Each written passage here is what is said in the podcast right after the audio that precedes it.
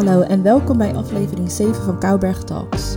Mijn naam is Kimberly van Friedritie en ik host de podcast van adviesbureau Kouberg Huigen. In de laatste podcastaflevering heb ik een interview gedaan met adviseur bouwfysica en duurzaamheid Larissa Ottenheim. En we hebben het toen gehad over het traject waar Kouberg Huigen doorheen is gegaan vanaf de certificering van de Bang-methode eerder dit jaar.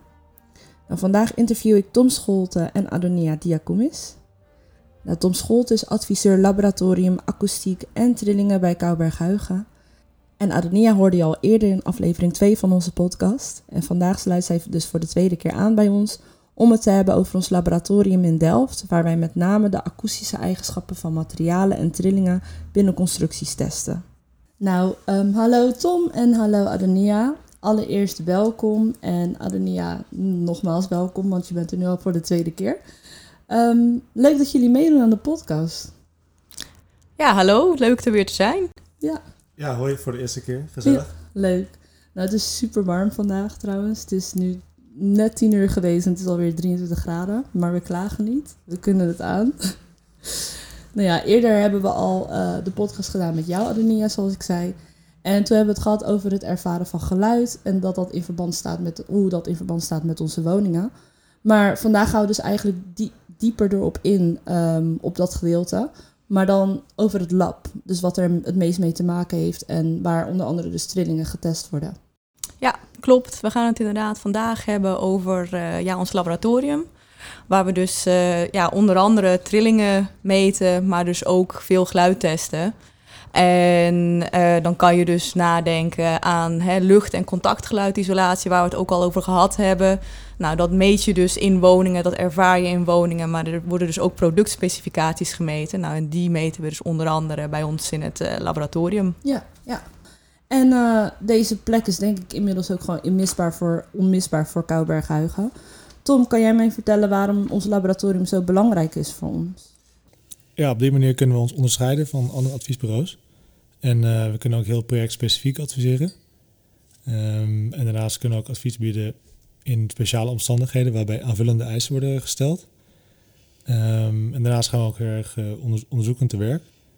Uh, je begrijpt de producten beter die je adviseert. Um, en daarnaast kunnen we ook nog verschillende andere marktpartijen faciliteren in ons laboratorium. Bijvoorbeeld als we willen samenwerken om een product te ontwikkelen. Zo hadden we laatst een, een producent van isolatiemateriaal en, en binnendozen te gast. En um, zij hadden samen een nieuwe, uh, nieuwe montagetechniek ontwikkeld, waarbij het eigenlijk noodzakelijk werd om al een bepaald, uh, laat ik het anders zeggen. Normaal gesproken maak je een, maak je een wand van binnendozen, die, die fabriceer je uh, ter plekke. En dan vervolgens wordt dus het isolatiemateriaal wordt daarin aangebracht. Ehm, maar er zit vaak een, een soort beschermende laag over het isolatiemateriaal heen. En dat scheurde heel vaak als ze dus dat ter plekke gingen um, installeren. Dus kwamen ze samen met het idee om alvast die voorlaag te verkleven in de middendoos. En dan daarna het isolatiemateriaal gemakkelijk te kunnen plaatsen. Um, en dat hadden we voor, voor ze doorgemeten en om zo te kijken of dat tot andere resultaten leidde. Oké, okay. nou dat klinkt dus uh, alsof ons laboratorium in die zin ook niet meer weg te denken is voor ons. Nou ja, jij bent ook onder andere gespecialiseerd uh, op het gebied van trillingen, Tom. Ja, en op wat voor manier um, onderscheidt ons lab zich op dat gebied? Uh, nou, we doen bijvoorbeeld ook uh, dynamische stijfheidsmetingen. Die metingen komen op zich niet zo heel vaak voor. Um, en daarmee kunnen we de fabrikant voorzien van data over de, de veerstijf, veerstijfheid van zijn materiaal. Um, en een goede zwevende vloer is een nou, goed samenspel van een, uh, van een massa die op een verende laag ligt. Vandaar uh, de zwevende vloer. En die massa is relatief eenvoudig te bepalen, omdat je, kent de volumieke massa van een, van een materiaal. En dan kun je dus op basis van de dikte de massa wel afleiden. Um, maar de eigenschappen over die verende laag zijn eigenlijk beter te bepalen aan de hand van metingen. Um, en hiermee kan dus een fabrikant van zwevende vloeren um, zijn vloer dimensioneren. Of een adviseur kan op basis van die gegevens uh, nou, dat product voorschrijven in een andere situatie. Um, En daarnaast kunnen we ook direct trillingsmetingen uitvoeren aan, aan opstellingen, bijvoorbeeld aan een ventilatieunit die al staat opgesteld voor geluidsmetingen. Ehm, en bij dit soort metingen, de, het aspect trillingen, kunnen we dus onderzoeken welk component het meeste geluid afstraalt. Of dat een trillingsisolator uh, wel zijn werk doet. Ja, oké. En uh, Adonia, in zo'n laboratorium kan je mij vertellen wat gebeurt daar precies? Zeg maar, wat voor producten worden daar bijvoorbeeld getest?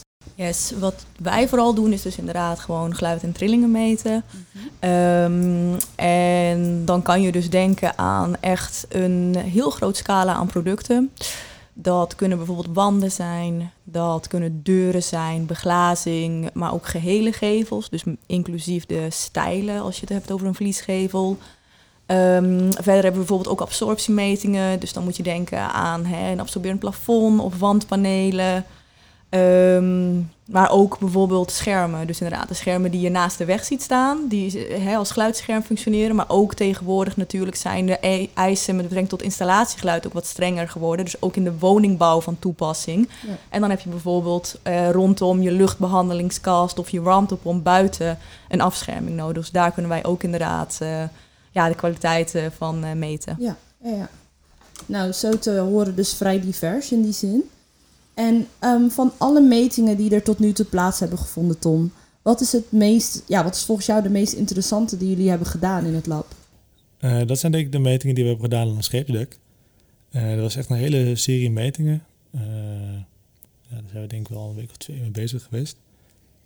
en daarbij is ook de, de hele constructie, dus de dikte van het staal, het stalen dek en de, de constructie eronder, die is een paar keer gewisseld. En op elke configuratie uh, dek we verschillende afwerkvloeren gemeten. Dus variërend van een kaal stalen dek uh, tot diekhout, tot tapijt en zelfs marmer.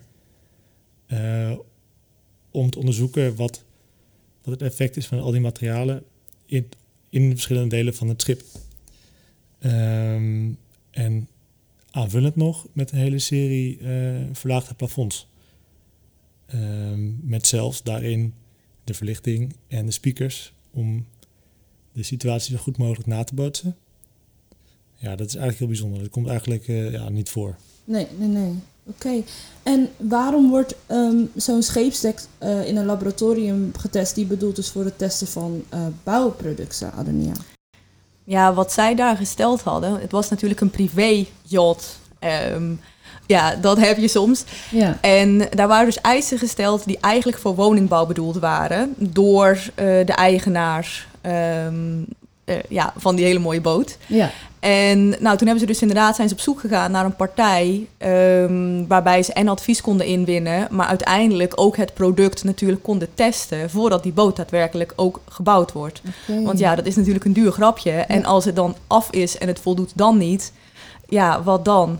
Dus uh, zodoende zijn ze uiteindelijk uh, bij ons terechtgekomen. Ook omdat um, wij dus de mogelijkheid hadden om een stalen dek uiteindelijk omhoog te hijsen en in te bouwen. Want bij andere partijen bleek dat dus ook nog een issue te zijn. En toen hebben we inderdaad kunnen helpen met een stukje research en development eigenlijk. Uh, van ja, wat is er nou uiteindelijk benodigd om die eis te behalen? En dus ook uh, uiteindelijk kunnen aantonen dat die eis behaald wordt. Ja, ja, dus, ja. dus in die zin was Kouberghuigen de beste match voor hun eigenlijk. Ja, ja, ja. Nee, mooi. Goed om te horen. Nee, uh, nou ja, Tom heeft zojuist verteld wat zijn favoriete meting was in het uh, lab. Um, zijn er voor jou, Adonia, nog onderzoeken in het lab uitgevoerd die jouw interesse het meest wekten? Um, nou ja, wat ik sowieso altijd leuk vind, zijn inderdaad gewoon de projecten waarbij dus een stukje research en development komt kijken. Dus inderdaad, hè, in dit geval dus met die scheepsdekken ook van, nou het is niet alsof we een kant-en-klaar product hebben um, waar we al een aantal jaar mee bezig zijn geweest. En we weten wel dat het voldoet en we willen eigenlijk uh, van jullie alleen maar het stempeltje erop. Ja. Um, dus inderdaad, onder andere hebben we uh, op zwaar geluidbelaste locaties wel eens in projecten echt projectspecifieke oplossingen door mogen meten. Um, maar ook bijvoorbeeld um, een producent inderdaad van uh, warmte terugwin units. Die wilde dus weten van wat is nou de minimale wanddikte eh, waaraan zijn unit nog opgehangen kan worden en dat hij nog steeds voldoet aan zowel de installatiegeluideisen als aan eh, trillingen. Ja. Dus daar hebben we ook een heel onderzoek eh, is daarvoor uitgevoerd.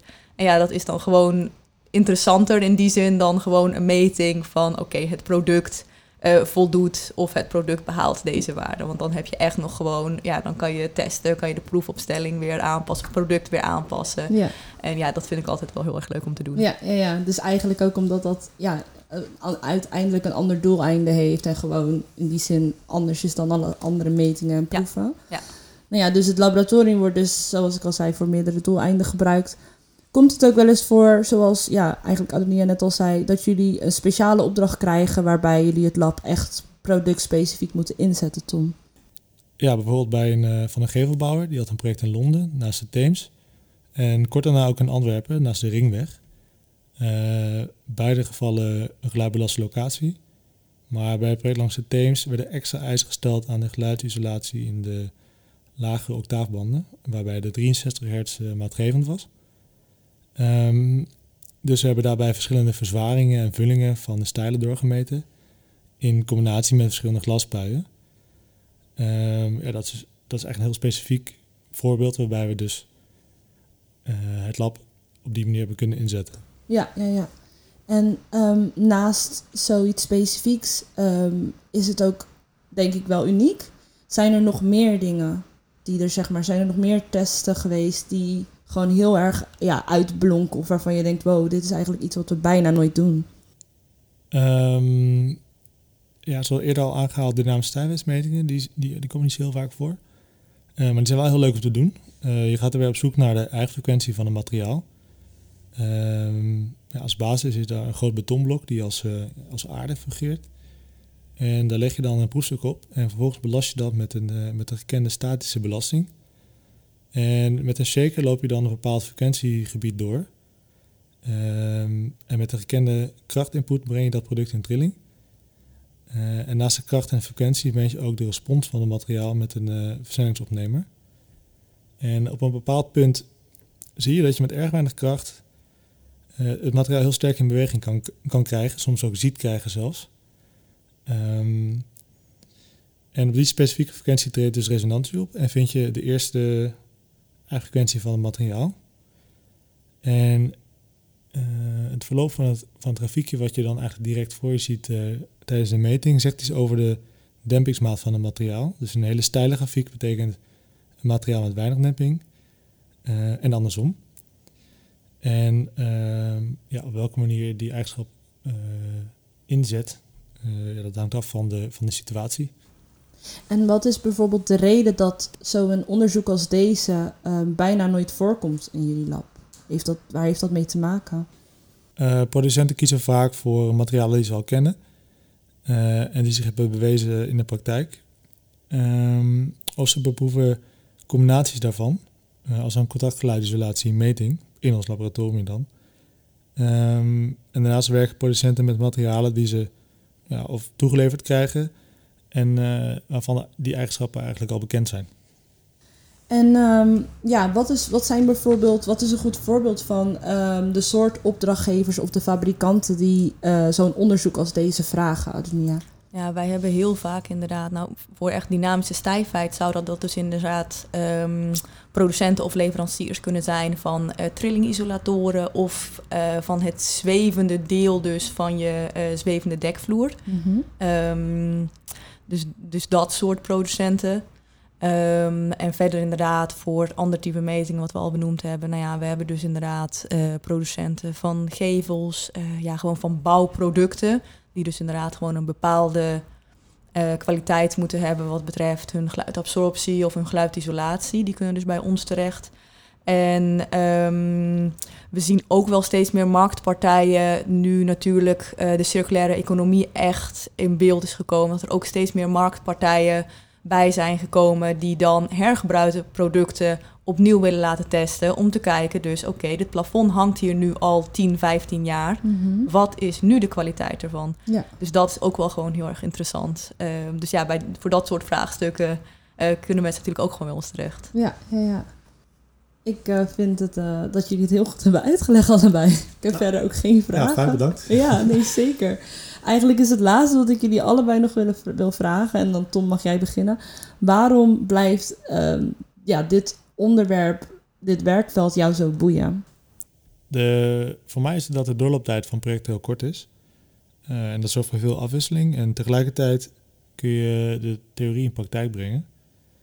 Ehm, vaak heb je vanuit de theoretische benadering een uh, bepaald, bepaald verwachtingspatroon ehm, die je kan toepassen. En ja, dat zie je dan gebeuren voor je neus. Dat vind ik heel leuk. Of er gebeurt iets anders dan wat je verwacht. En ja, dat moet je dan uh, gaan uitzoeken.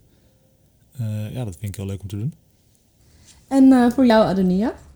Nou, ik vind het heel erg leuk om korte lijntjes te hebben. Dus inderdaad, um, dat je input daadwerkelijk direct eigenlijk effect heeft op, uh, of iemands kennis of inderdaad op keuzes die gemaakt worden. Ja. Um, en het is ook gewoon leuk inderdaad om direct uh, ja, uiteindelijk de resultaten te zien. Want veel van onze projecten die lopen natuurlijk jaren voordat er daadwerkelijk een gebouw staat. Ja. Terwijl nu is het inderdaad gewoon uh, ja, een meting en kan in een dag al gewoon um, ja, je iemand blij hebben gemaakt met een resultaat of met een advies.